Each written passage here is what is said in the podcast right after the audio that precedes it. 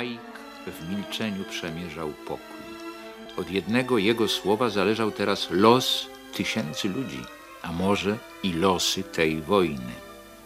Wreszcie powiedział spokojnie i wyraźnie: Okej, płyńmy. From Rayburn's gavel to the warning signal of the D-Day Armada. The discordant bong of our little Liberty Bell on D-Day. Gdy od brzegów Anglii odbija potężna armada, pierwsze samoloty sprzymierzonych są już nad brzegami Normandii. W huku bomb i salwach niemieckiej artylerii przeciwlotniczej wstaje nowy dzień, 6 czerwca 1944 roku.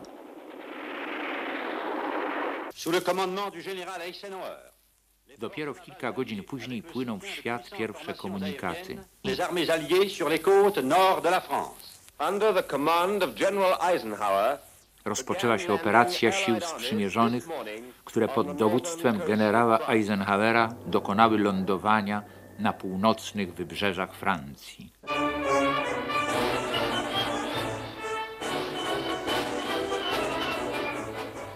Tak wchodził do historii generał, naczelny dowódca wojsk sprzymierzonych, popularny wśród żołnierzy Ike, późniejszy prezydent Stanów Zjednoczonych, Dwight David Eisenhower.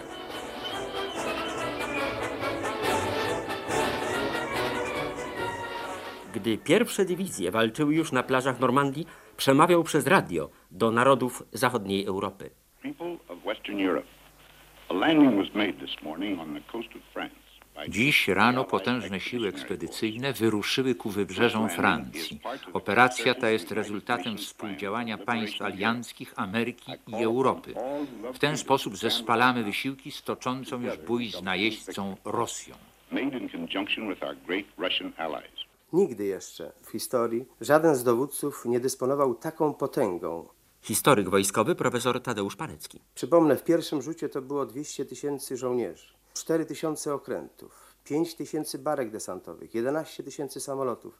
Eisenhower musiał ogarnąć te wszystkie elementy. Był do tego znakomicie przygotowany. Skończył West Point, skończył Akademię Sztabu Generalnego w Leavenworth, skończył War Military College. Był szefem sztabu armii ćwiczącej w 1941 roku obronę Stanów Zjednoczonych. Potem rok 1942, operacja Torch, lądowanie w Afryce, Sycylia, południowe Włochy. Ta rzecz najcenniejsza, którą zdobył Eisenhower, to było doświadczenie w dowodzeniu koalicyjnymi siłami zbrojnymi. W swych pamiętnikach wojennych zatytułowanych Krucjata w Europie pisał Przykłady historyczne świadczą o tym, że koalicje nie umieją prowadzić wojny. Nawet sława Napoleona jako świetnego dowódcy wojskowego zbladła, gdy naukowcy w uczelniach sztabowych uświadomili sobie, że zawsze walczył przeciw koalicjom, a więc przeciwko podzielonym zdaniom oraz różnym interesom politycznym, gospodarczym i wojskowym.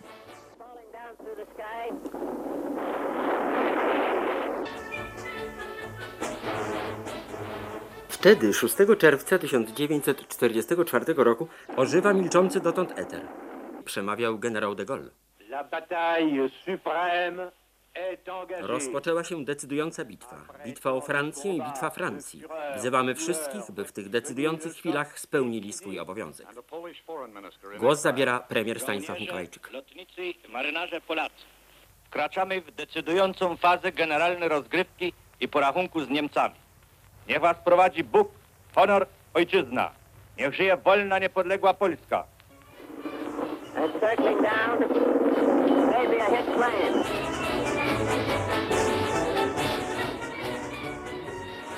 Największy błąd, jaki wytyka się Eisenhowerowi, to jest sprawa zaniechania zdobycia Berlina. Przypomnę, że na konferencjach w Jałcie, ale i wcześniej konferencjach sztabowych ustalono pewne strefy wpływów i mówiło się, że Berlin będzie zajmowany przez siły rosyjskie. Ale kiedy wiosną 1945 roku zaistniała taka realna możliwość, żeby ruszyć na Berlin, wbrew porozumieniom z aliantem rosyjskim, Eisenhower zdecydowanie sprzeciwił się. Wysuwał dwa argumenty. Należało działać na kierunku północnym, aby zablokować Wyspy Duńskie i ewentualnie Skandynawię przed ofensywą czy pochodem późniejszym armii rosyjskiej, a po drugie zdobyć redutę alpejską, tam gdzie przewidywał schroni się i Hitler, i główne siły niemieckie. A więc działanie oskrzydlające. Berlin na kierunku głównym pozostawał właściwie otwarty. Warto może też przypomnieć, że Eisenhower od samego początku, czyli od 42, początku 42 roku, był zwolennikiem otwarcia drugiego frontu we Francji. Profesor Krzysztof Michałek. I korzystając z rosnących swoich wpływów i rosnących wpływów Marszala, starał się wywierać wielką presję na Roosevelta, aby jednak ten zdecydował się na otwarcie frontu w Normandii, czy szerzej mówiąc we Francji. Od samego początku wojny wiedział, jak ją wygrać dla Stanów Zjednoczonych, gdzie te kluczowe walki powinny się odbyć, iż powinny się odbyć właśnie w tej twierdzy Europa, ale od strony zachodniej tej twierdzy, czyli we Francji. No i 40 trzeci i początek czwartego roku konsekwentne przygotowania militarne i bardzo istotne dyplomatyczne do działań w Normandii. Eisenhower, który występował w roli dość niewdzięcznej, bo z jednej strony tego silnego wuja sama, tego, który rzeczywistą siłą dysponuje, ale który jednocześnie musi tą siłę w sposób ograniczony prezentować, aby nie zrazić swoich sojuszników brytyjskiego, a w ostatniej fazie wojny francuskiego, miał rzeczywiście bardzo trudną rolę do odegrania. I okazało się, że nie tylko był świetnym planistą i organizatorem, ale także bardzo skutecznym, dobrym dyplomatą.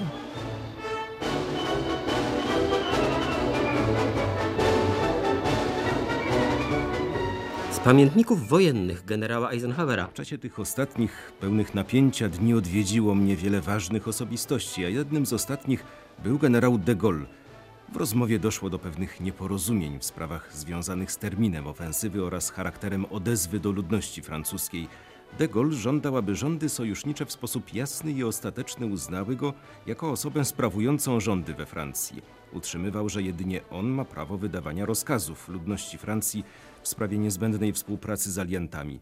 Ale inne sprawy były teraz najważniejsze. Zbliżał się nieuchronnie dzień ataku.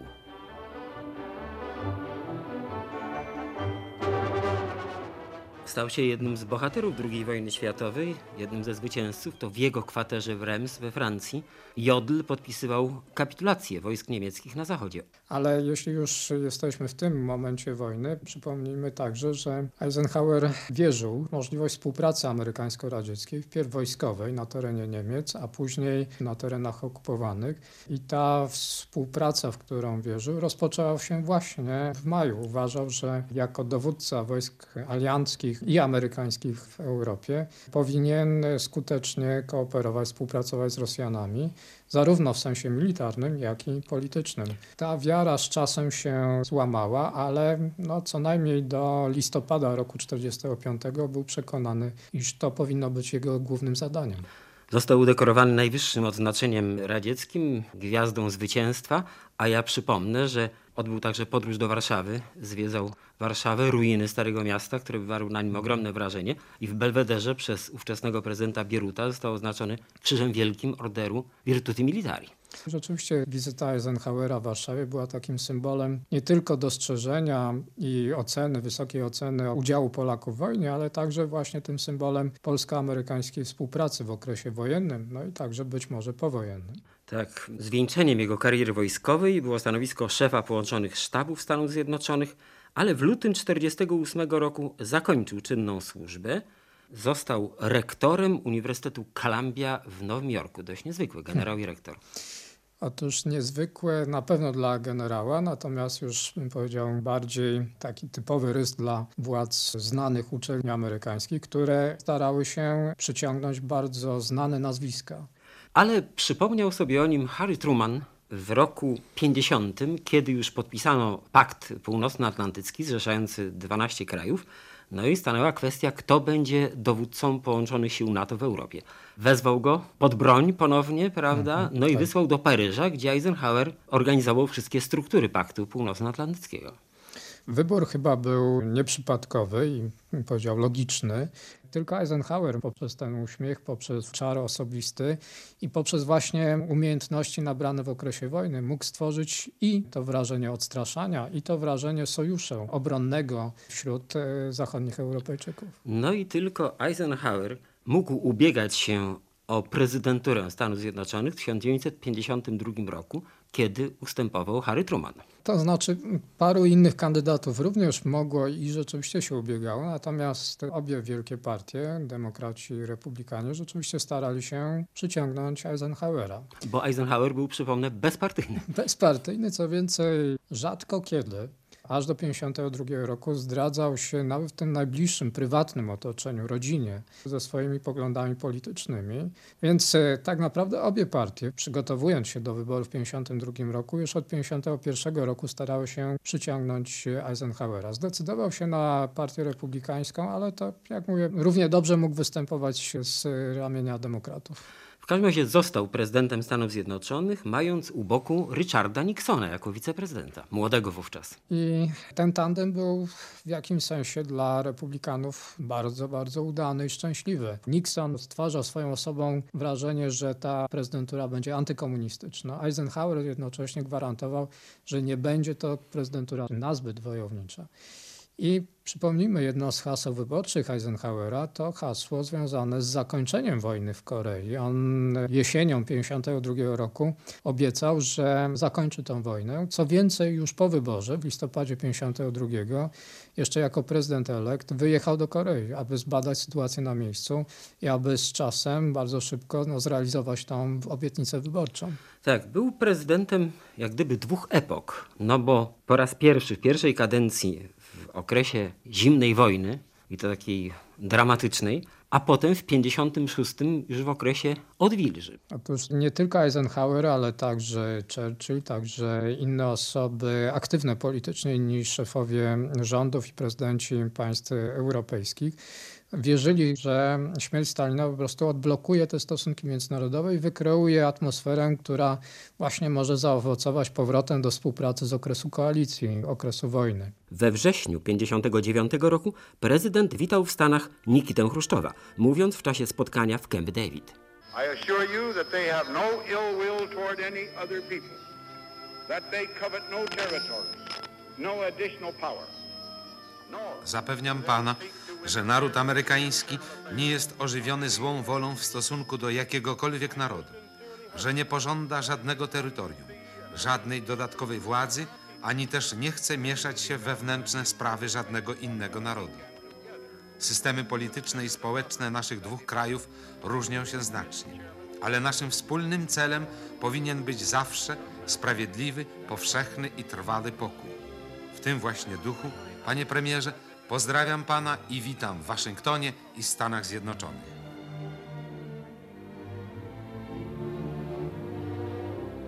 Ale jednocześnie Eisenhower starał się prezentować zdecydowane stanowisko w stosunku do roszczeń czy oczekiwań rosyjskich czy radzieckich. I przypomnijmy rok 60, kryzys w stosunkach międzynarodowych, kryzys związany z lotem U-2 samolotu szpiegowskiego. Zestrzelonego, zestrzelonego przez Rosjan i postawę, jaką Eisenhower wówczas przyjął. Wzięcie odpowiedzialności na siebie za ten lot i za całą akcję CIA, ale jednocześnie stanowczej postawy wobec Związku Radzieckiego w tym czasie. Wtedy Chruszczow zerwał szczyt w Paryżu, prawda? To była głośna sprawa. To raz, a oprócz tego wycofał, co było już bardzo obraźliwe dla Eisenhowera zaproszenie do Moskwy. Ale ja bym jeszcze wrócił do 56 roku, bo mieliśmy wtedy ostry kryzys wokół kanału Sueskiego, lądowanie wojsk brytyjskich, francuskich i oto Eisenhower ponad głowami sojuszników dogaduje się z Moskwą. Czy nie chodziło tu także o zastąpienie niejako Brytyjczyków i Francuzów na Bliskim Wschodzie, zajęcie ich miejsca? Daleki byłbym tu od makiawelizmu. Po prostu w rezultacie nieudanej interwencji w 1956 roku powstała pustka. I tą pustkę kto mógł wypełnić? Albo Stany Zjednoczone, albo wpływy radzieckie, które zresztą, pamiętajmy, rozszerzały się systematycznie. No, wyjście dla Stanów było jedno. Wejść w tą pustkę i zabezpieczyć Bliski Wschód przed wejściem, rozszerzaniem wpływów radzieckich. Formuła doktryna Tak naprawdę jest kopią doktryny Trumana. Doktryna Trumana dotyczyła gwarancji bezpieczeństwa dla państw europejskich, jeśli one zostaną zagrożone interwencją zewnętrzną, komunistyczną albo infiltracją wewnętrzną. I te same słowa są w doktrynie Eisenhowera, tylko odnoszą się do Bliskiego Wschodu. Ale też przypomnijmy kwestie wewnętrzne. Eisenhower musiał sprostać bardzo istotnym wyzwaniom z lat 50. w sferze stosunków wewnętrznych. Jednym z tych wyzwań była desegregacja rasowa.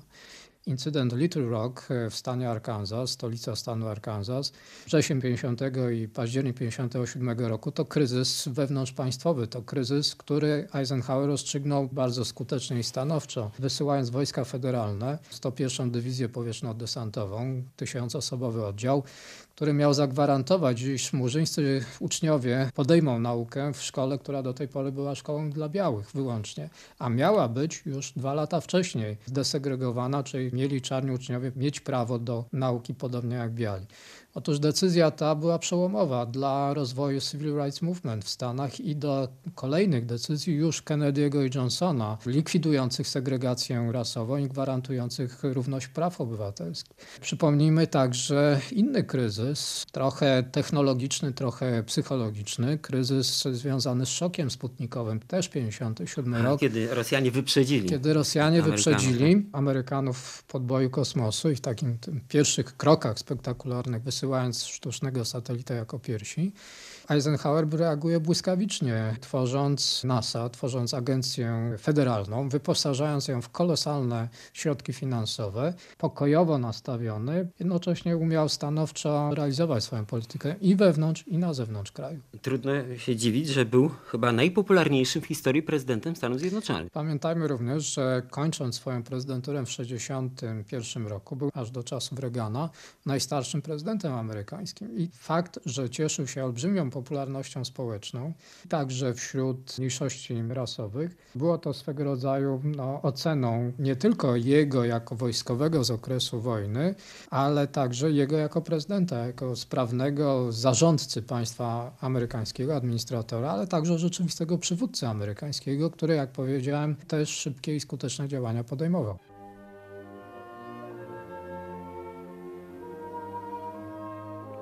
Żegnany był, myślę już o ostatniej drodze, jak wielki Amerykanin i wielki żołnierz na lawecie armatniej i rzeczywiście całe Stany pogrążone były w żałobie. Śmierć Eisenhowera w 1969 roku była śmiercią człowieka legendy.